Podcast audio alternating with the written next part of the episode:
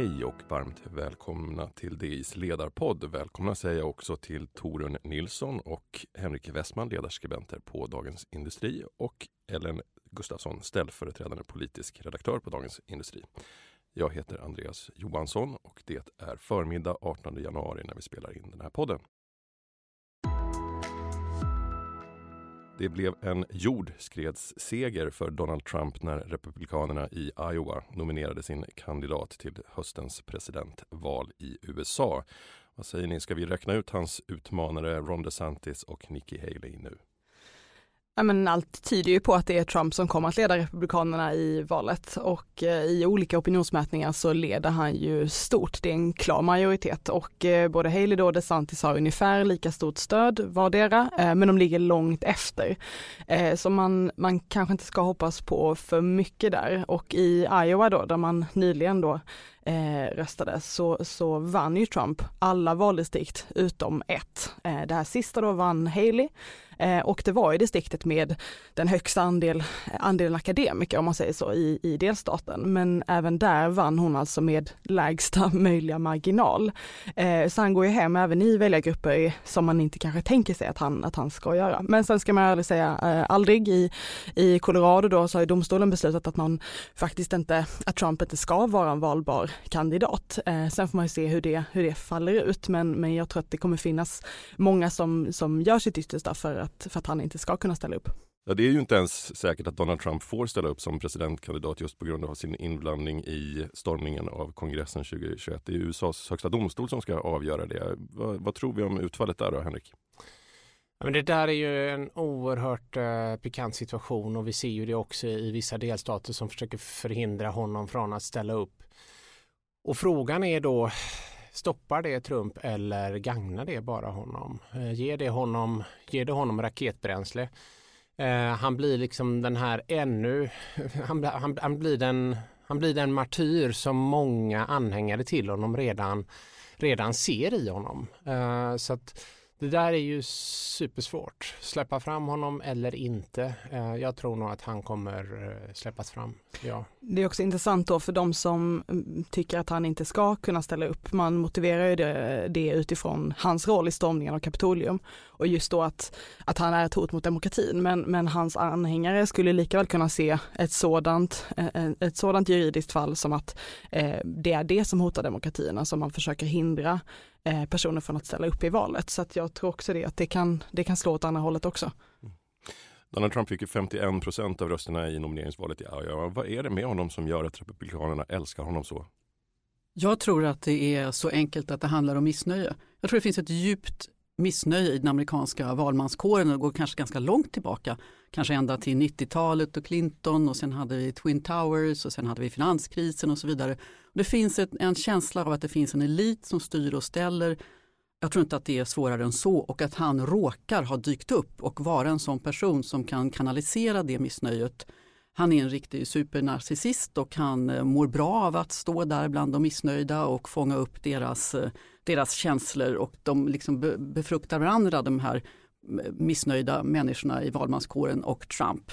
Och eh, sen så finns det en annan hypotes också och det är att media har bidragit och då tänker jag inte i första hand på sociala medier utan tänker på traditionella medier och att det är att den betalmodell som har funnits för medier förändrats så att prenumerationsintäkter spelar mycket större roll än förr när annonser försvinner till sociala medier. Och då polariseras även media mer än tidigare och det gynnar också den här, det här missnöjet och, och stärker narcissisten Trump. Ja, och, och i tillägg till det så kan man ju verkligen säga och peka på faktiskt USAs historia. Eh, det finns ju en stark, vad ska man säga, revolutionär ådra som går tillbaka till till USAs bildande och frihetskriget och frigörelsen från, från Storbritannien, Boston Tea Party. Alla de där sakerna är ju Donald Trump skicklig att liksom utnyttja i det här och, eh, och bland hans anhängare så, så finns det nog verkligen den här känslan av att det är inga federala myndigheter eh, som ska tala om för mig vad jag ska göra utan här sköter jag mig själv och eh, jag laddar min bussa och skjuter vad jag vill.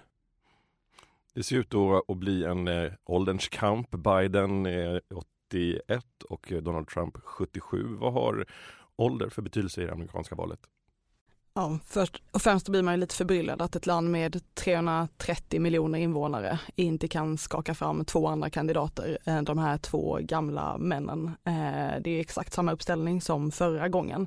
Eh, och redan då var de ju så att säga gamla. Trump och Biden är ju de två äldsta presidenterna som USA eh, har haft. Och eh, det är ju inte ett styrketecken skulle jag säga för, för den fria världen och för väst och det här stora och mäktiga USA att man inte kan få fram två andra kandidater.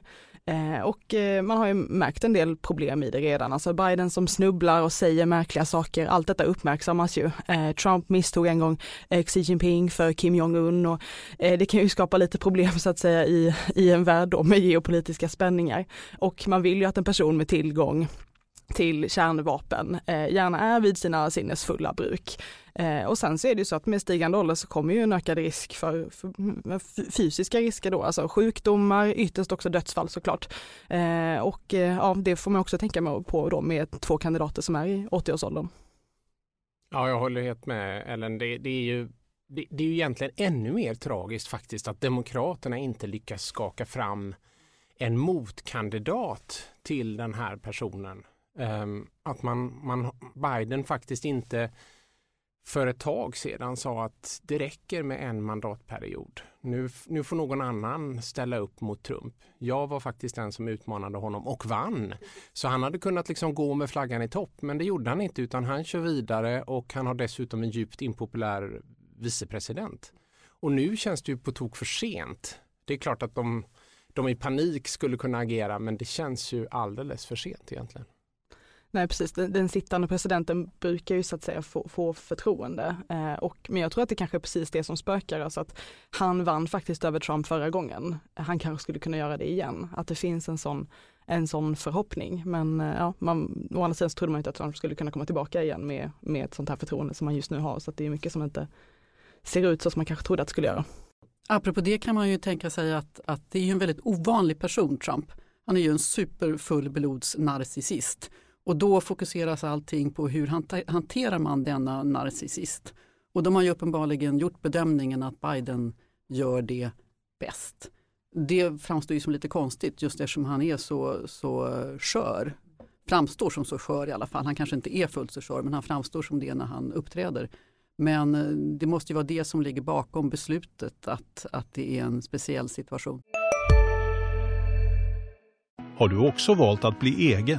Då är det viktigt att skaffa en bra företagsförsäkring. Hos oss är alla småföretag stora och inga frågor för små. Swedeas företagsförsäkring är anpassad för mindre företag och täcker även sånt som din hemförsäkring inte täcker. Gå in på swedea.se företag och jämför själv.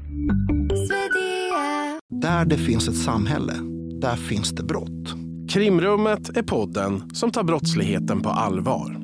Jag bjuder in landets ledande experter och tar upp aktuella rättegångsfall för att begripliggöra den kriminalitet som kryper allt närmare. Du, alltså, du kan knäcka ett eller några gäng, men det kommer komma nya och så kan vi knäcka dem sen. Men att du ska knäcka allt forever, det kommer aldrig ske. Det är infinite gain. Lyssna på Krimrummet, en podd från Expressen med mig Kim Malmgren.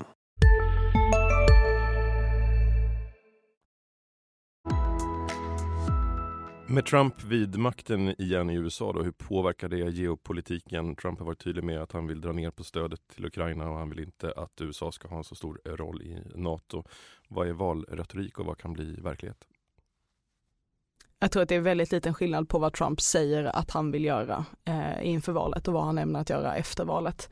Eh, man vet ju inte exakt hur hans politik ser ut i, i detalj, men, men det som alla är överens om är att Trump 2.0, eh, om, om han får om han blir vald igen så kommer den mandatperioden vara värre eh, än den förra. Eh, och eh, den genomgående linjen är ju America first och det är oroväckande i, med de globala spänningarna som vi just nu har i världen.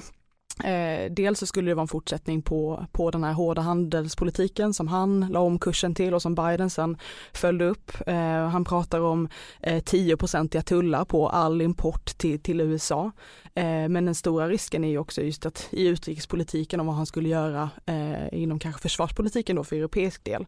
Eh, han har alltid varit skeptisk till NATO, har pratat tidigare om att han vill lämna försvarsalliansen. Eh, nyligen då så röstade kongressen för att presidenten inte ensam ska kunna dra ut USA USA ur NATO. Eh, men det, det räcker med att det finns en eh, ett tvivel om huruvida USA faktiskt står bakom de här försvarsgarantierna för att det ska göra det mycket, mycket svårare och farligare i, i Europa. Eh, vad vill han göra i med Ukraina, med stödet där. Vi vet att Republikanerna eh, vacklar. Vad händer om Kina trappar upp eh, sin retorik eh, mot eh, Taiwan ännu mer? Eh, det är ju många stora frågor där man kan tvivla på vad han står upp för. På tal om USAs strategiska närvaro. Röda havet har blivit en ny krigsskådeplats som belyser både de geopolitiska spänningarna och vår sårbarhet när det kommer till sjöfartens vikt. Det här har varit en stor snackis i Davos också i veckan. Vad är det som händer och vad kan vi förvänta oss av utvecklingen? Det är väldigt eh, oväntat att Iran agerar.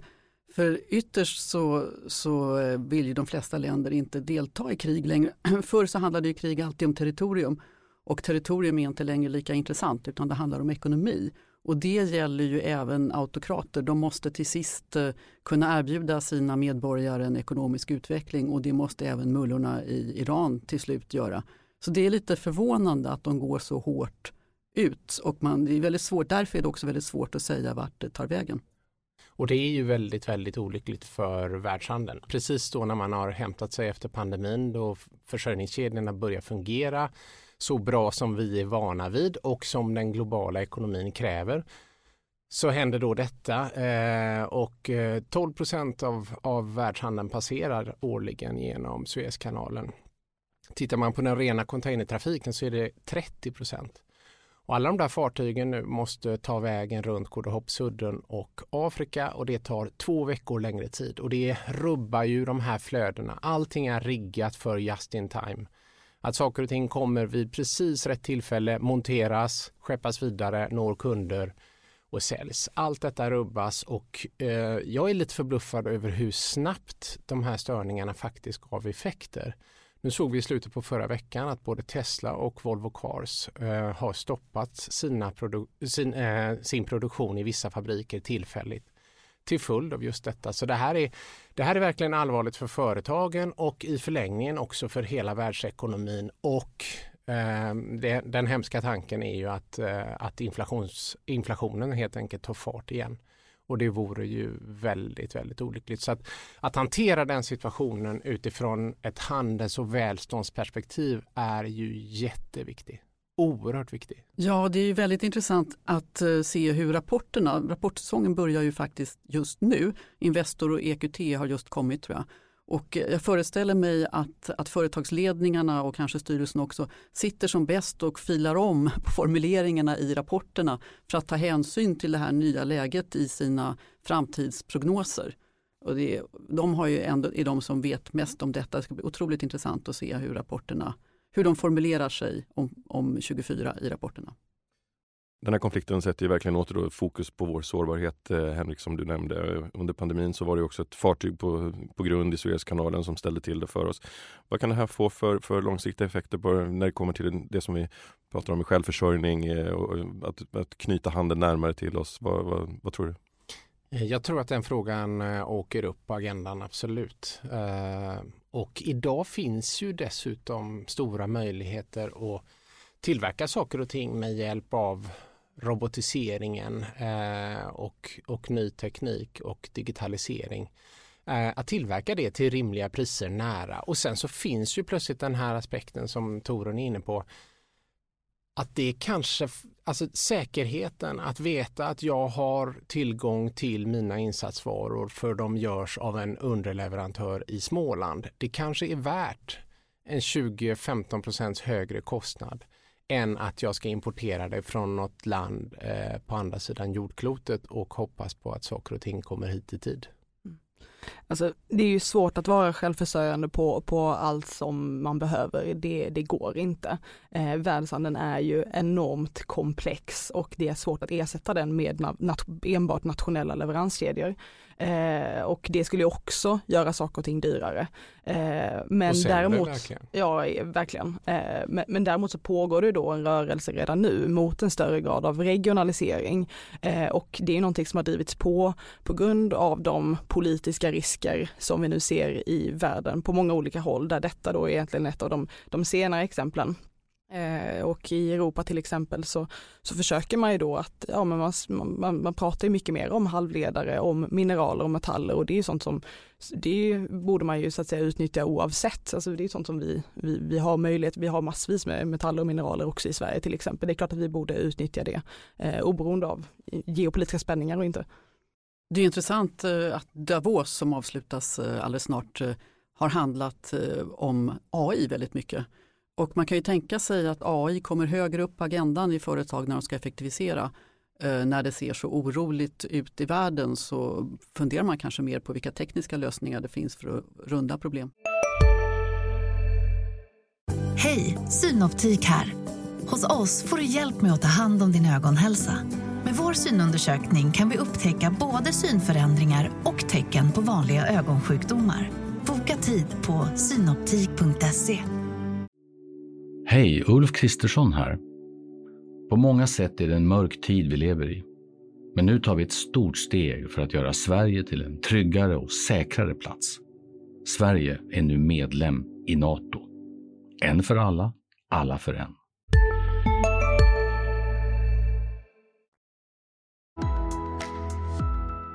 Tack för det Torun, Ellen och Henrik. Missa inte våra andra poddar Digitalpodden, Makrorådet, Analyspodden och Stormens öga.